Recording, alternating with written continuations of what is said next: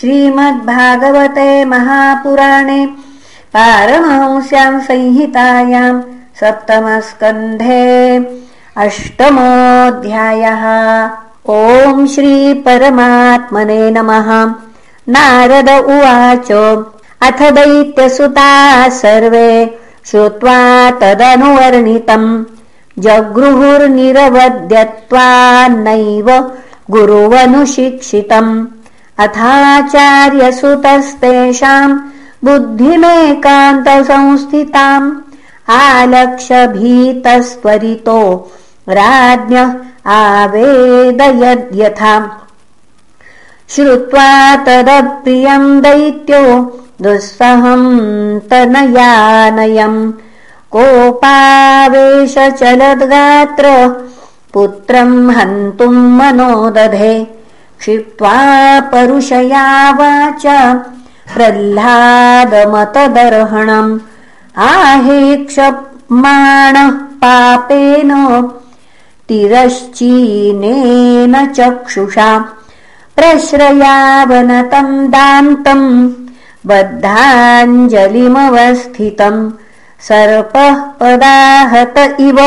श्वसन् प्रकृतिदारुणः हे दुर्विनीत मन्दात्मन्कुलभेदकराधम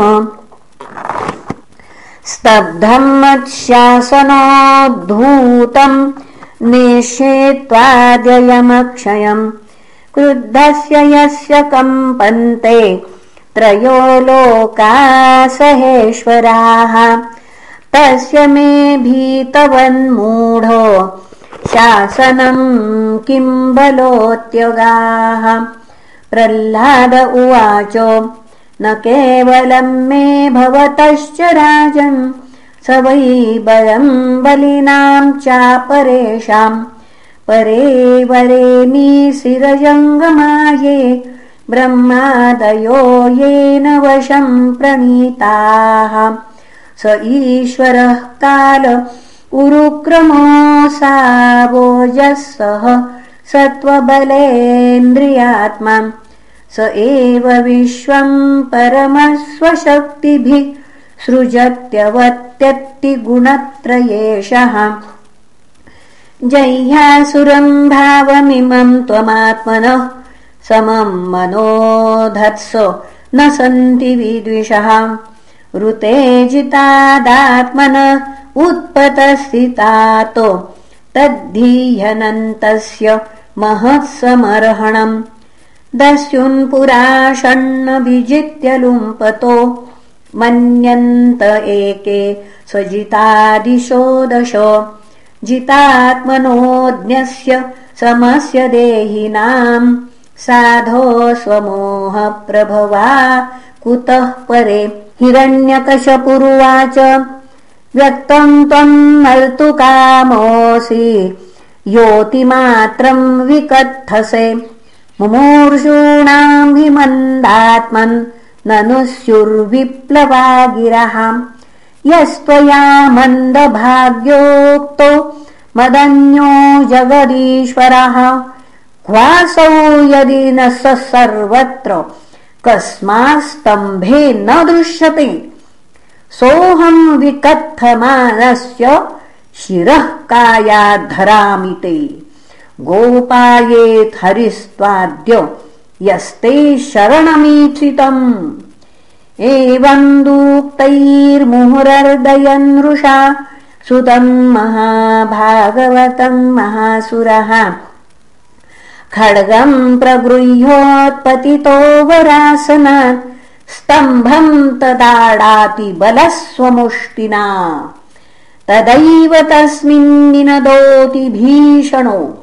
बभूव येनाण्डकटाहमस्फुटत् यम् वै स्वधिष्ण्योपगतम् त्वजादय। श्रुत्वा स्वधामाप्ययमङ्गमेनिरे स पुत्रवधेत् सुरोजसा निशम्य निर्हादमपूर्वमद्भुतम् अन्तः सभायाम् न ददर्श तत्पदम्। वितत्र सूर्येण सुरारियूथपाः। सत्यम् विधातुम् निजभृत्यभाषितम्। व्याप्तिम् च भूतेष्वखिलेषु चात्मनः अदृश्यतात्यद्भुतरूपमुद्वहम् स्तम्भे सभायान्न मृगन्न मानुषम् नरहरे श्यामराज महाराज की जय। सत्त्वमेनम् परितोऽपि पश्यन् स्तम्भस्य मध्यादनुनिर्जिहानम् नायम् मृगो नापि नरो विचित्रमहो किमेतन्नृमृगेन्द्ररूपम् मीमांसमानस्य समुत्थितोऽग्रतो नृसिंहरूपस्तदलम् भयानकम् प्रतप्तचामीकरचण्डलोचनम्। स्फुरत्सटाकेसरजृम्भिताननम्। करालदंशम् करवालचञ्चलत्क्षुरान्तजिह्वम् भ्रुकुटीमुखोल्बणम् स्तब्धोध्वकर्णम् गिरिकन्दराद्भुतस्व्यात्तास्य नासम् हनुभेदभीषणम् दिवि स्पृशत्कायमदीर्घपीवरग्रीवोरुवक्षस्थल मल्पमध्यमम् चन्द्रांशु गौरैः शुरितम् तनूरुहैर्विश्वग्भुजानीकशतम् नखायुधम् दुरासदम् सर्वनिजेतरायुधप्रवेक। विद्रारितदैत्यदानवम् प्रायेण मेयम् हरिणोरुमायिना। वधः स्मृतोनेन समुद्यतेन किम्? एवम् ब्रुवंस्तभ्यपतद्गदायुधो नृसिंहम् प्रति दैत्यकुञ्जरः अलक्षितोऽग्नौ पतितः पतङ्गमो। यथा नृसिंहौजसि सोऽसुरस्तदाम् न तद्विचित्रम् खलु सत्त्वधामनि। स्वतेजसा योऽनुपुरापि बत्तमः। ततोऽभिपद्याभ्यहनन्महासुरो वृषानुसिंहम् गदयोरुवेगया तम् विक्रमन्तम् सगदम् गदाधरो महोरगम् तार्क्षसुतो यथा ग्रहीत् स तस्य हस्तोत्कलितस्तदासुरो विक्रीडितो यद्वदहिर्गरुत्मतः।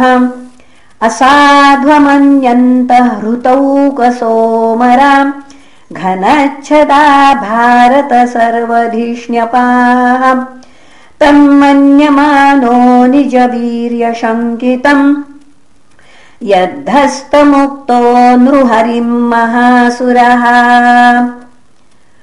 पुनस्तमासज्जत खड्गचर्मणि प्रगृह्य वेगेन जितश्रमो मृधे तम् शेन वेगम् शतचन्द्रभरत्मभिश्चरन्त मच्छिद्रमुपर्यधो हरिः। कृत्वाट्टहासम् खरमुत्स्वनोल्बणम् निमीलिताक्षम् जगृहे महाजवः।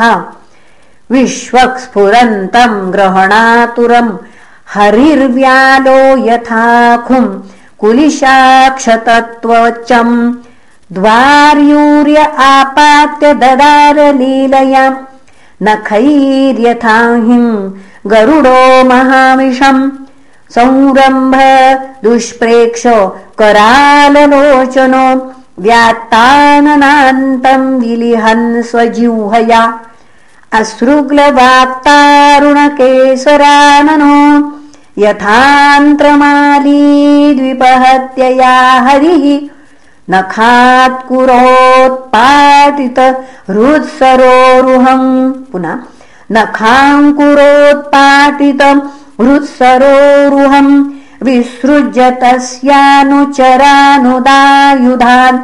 अहम् समन्तान्नखशस्त्र पार्ष्णिभिः दोर्दण्डयूथोनु पथान् सहस्रशाम् सटावधूता जनदा परापतन् ग्रहाश्च तद्दृष्टिमिव पुनः तद्दृष्टिविमुष्टरोचिषाम् अम्भोदयश्वासहताविचुक्षुभुर्निर्राद भीतादिगिभाविचुकृषु। द्यौस्तत्सटाक्षोक्तविमानसङ्कुलाम् प्रोत्सर्पदक्ष्माम् च पदातिपीडिताम् शैलासमुत्पेतुरमुष्यरंवसाम् तत्तेजसाखम् ककुभो नरेजिरे ततः सभायामुपविष्टमोत्तमे नृपासने संहृततेजसं विभुम् अलक्षितद्वैरथमर्त्यमर्षणम् प्रचण्डवक्त्रम् न बभाज कश्चन निशम्य लोकत्रयमस्तकज्वरम् तमारिदैत्यम् हरिणाहतम् रुधे प्रहर्षवेगोत्कलिताननामुः प्रसूनवर्षैर्ववृषु सुरस्त्रियः तदाभिमानावलिभिर्नभस्थलम् दिदृक्षताम् सङ्कुलमासनाकिनाम् सुरानकादुन्दुभयोऽथ जज्ञिरे गन्धर्वमुख्याननृतुर्जगुस्त्रियः तत्रोपव्रज विबुधा ब्रह्मेन्द्रगिरिशादयः ऋषयः पितरः सिद्धा विद्याधरमहोरगाः मनवः प्रजानाम् पतयो गन्धर्वाप्सरचारणाः यक्षाः किम् पुरुषास्तात? वेताला सिद्धकिन्नराः। ते विष्णुपार्षदाः सर्वे सुनन्दकुमुदादयः। मूर्निबद्धाञ्जलिपुटाम् आसीनम् तीव्रतेजसम्। ईडिरे नरशार्दूलम् नातिदूरचराः पृथक् ब्रह्मोवाच नतोऽस्म्यनन्ताय दुरन्तशक्तये। विचित्रवीर्याय पवित्रकर्मणे। विश्वस्य सर्गस्थितिसंयमान् गुणैः स्वलीलया सन्दधते व्ययात्मने। श्रीरुद्र उवाच कोपकालो युगान्तस्ते। हतो यमसुरोल्पकः तत्सुतम् पाह्युपसृतम् भक्तन्ते भक्तवत्सल। इन्द्र उवाच प्रत्यानीताः परमभवता न स्वभागा दैत्याक्रान्तम् हृदयकमलम् तद्गृहम् प्रत्यबोधि।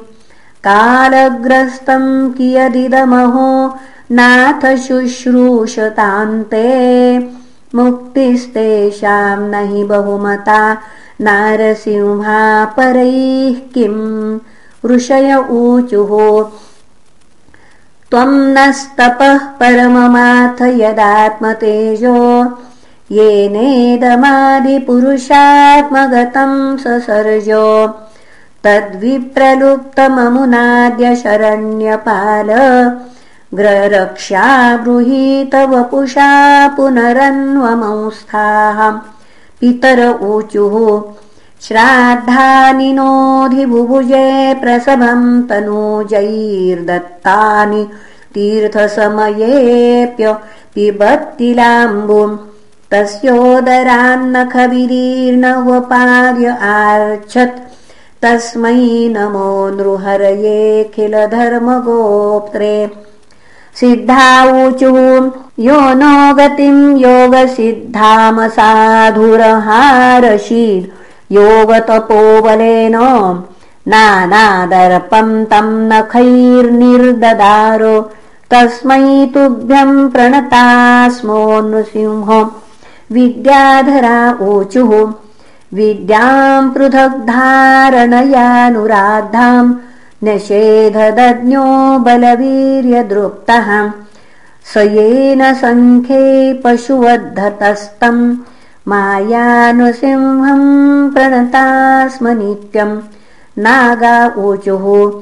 येन पापेन रत्नानि स्त्रीरत्नानि हृतानि नः। तद्वक्षः पाटनेनासाम् दत्तानन्दनमोऽस्तु ते। मनव ऊचुः मनवो वयम् तव निदेशकारिणो। दितिजेन देव परिभूतसेतवः। भवता खलः उपसंहृतः प्रभो। करवामते किमनुषाधिकिङ्करान् प्रजापतय ऊचुः। प्रजेशा वयन्ते परशाभिसृष्टा। न येन प्रजा वै सृजामो निषिद्धाः स एष त्वया भिन्नवक्षानुशेते जगन्मङ्गलम् सत्त्वमूर्तेऽवतारः गन्धर्वा ऊचुः वयम् विभोते नटनाट्यगायका येनात्मसात् वीर्यबलौजसा कृताः स एष नीतो भवता दशामि माम् किमुत्थपथस्थ कुशलाय कल्पते। चारणाऊचुम् हरे तवाङ्घ्रपङ्कजम् भवापवर्गमाशिताः यदेश साधुच्छयस्त्वया सुरः समापितः यक्षाऊचुः वयमनुचरमुख्या कर्मभिस्ते मनोज्ञैः स्त इह दितिसुतेन प्रापिता वाहकत्वम् स तु जनपरितापम् तत्कृतम् जानता ते नरहर उपनीतः पञ्चताम् पञ्चविंशः। किम् पुरुषा ऊचुः? वयम् किम् पुरुषास्त्वम् तु महापुरुष ईश्वरः। अयम् कुपुरुषो नष्टो धिकृतः साधुभिर्यदा वैतालिका ऊचुः सभासु सत्रेषु तवामलम् यशो। गीत्वा सपर्याम् महतीम् लभामहे। यस्ताम् व्यनैषीद्बृहशमेष दुर्जनो। दिष्ट्याहतस्ते भगवन्यथा मया। किन्नरा ऊचुः वयमीश किन्नरगणास्तवानुगा दितिजेनविष्टममुनानुकारिताः भवता हरे सवृजिनोऽवसादितो नरसिंहनाथ विभवाय नो भव विष्णुपार्षदा ऊचु अद्यैतद्धर नरिन पुनः अद्यैतद्धरि नररूपमद्भुतन्ते दृष्टम् नः शरणद सर्वलोकशर्मम् सोऽयम् ते विधिकर ईश विप्रशप्तस्तस्येदम् निधनमनुग्रहाय विद्मः इति श्रीमद्भागवते महापुराणे पारमंस्याम् संहितायाम् सप्तमस्कन्धे प्रह्लादानुचरिते दैत्यराजवधे नृसिंहस्तवो नामाष्टमोऽध्यायः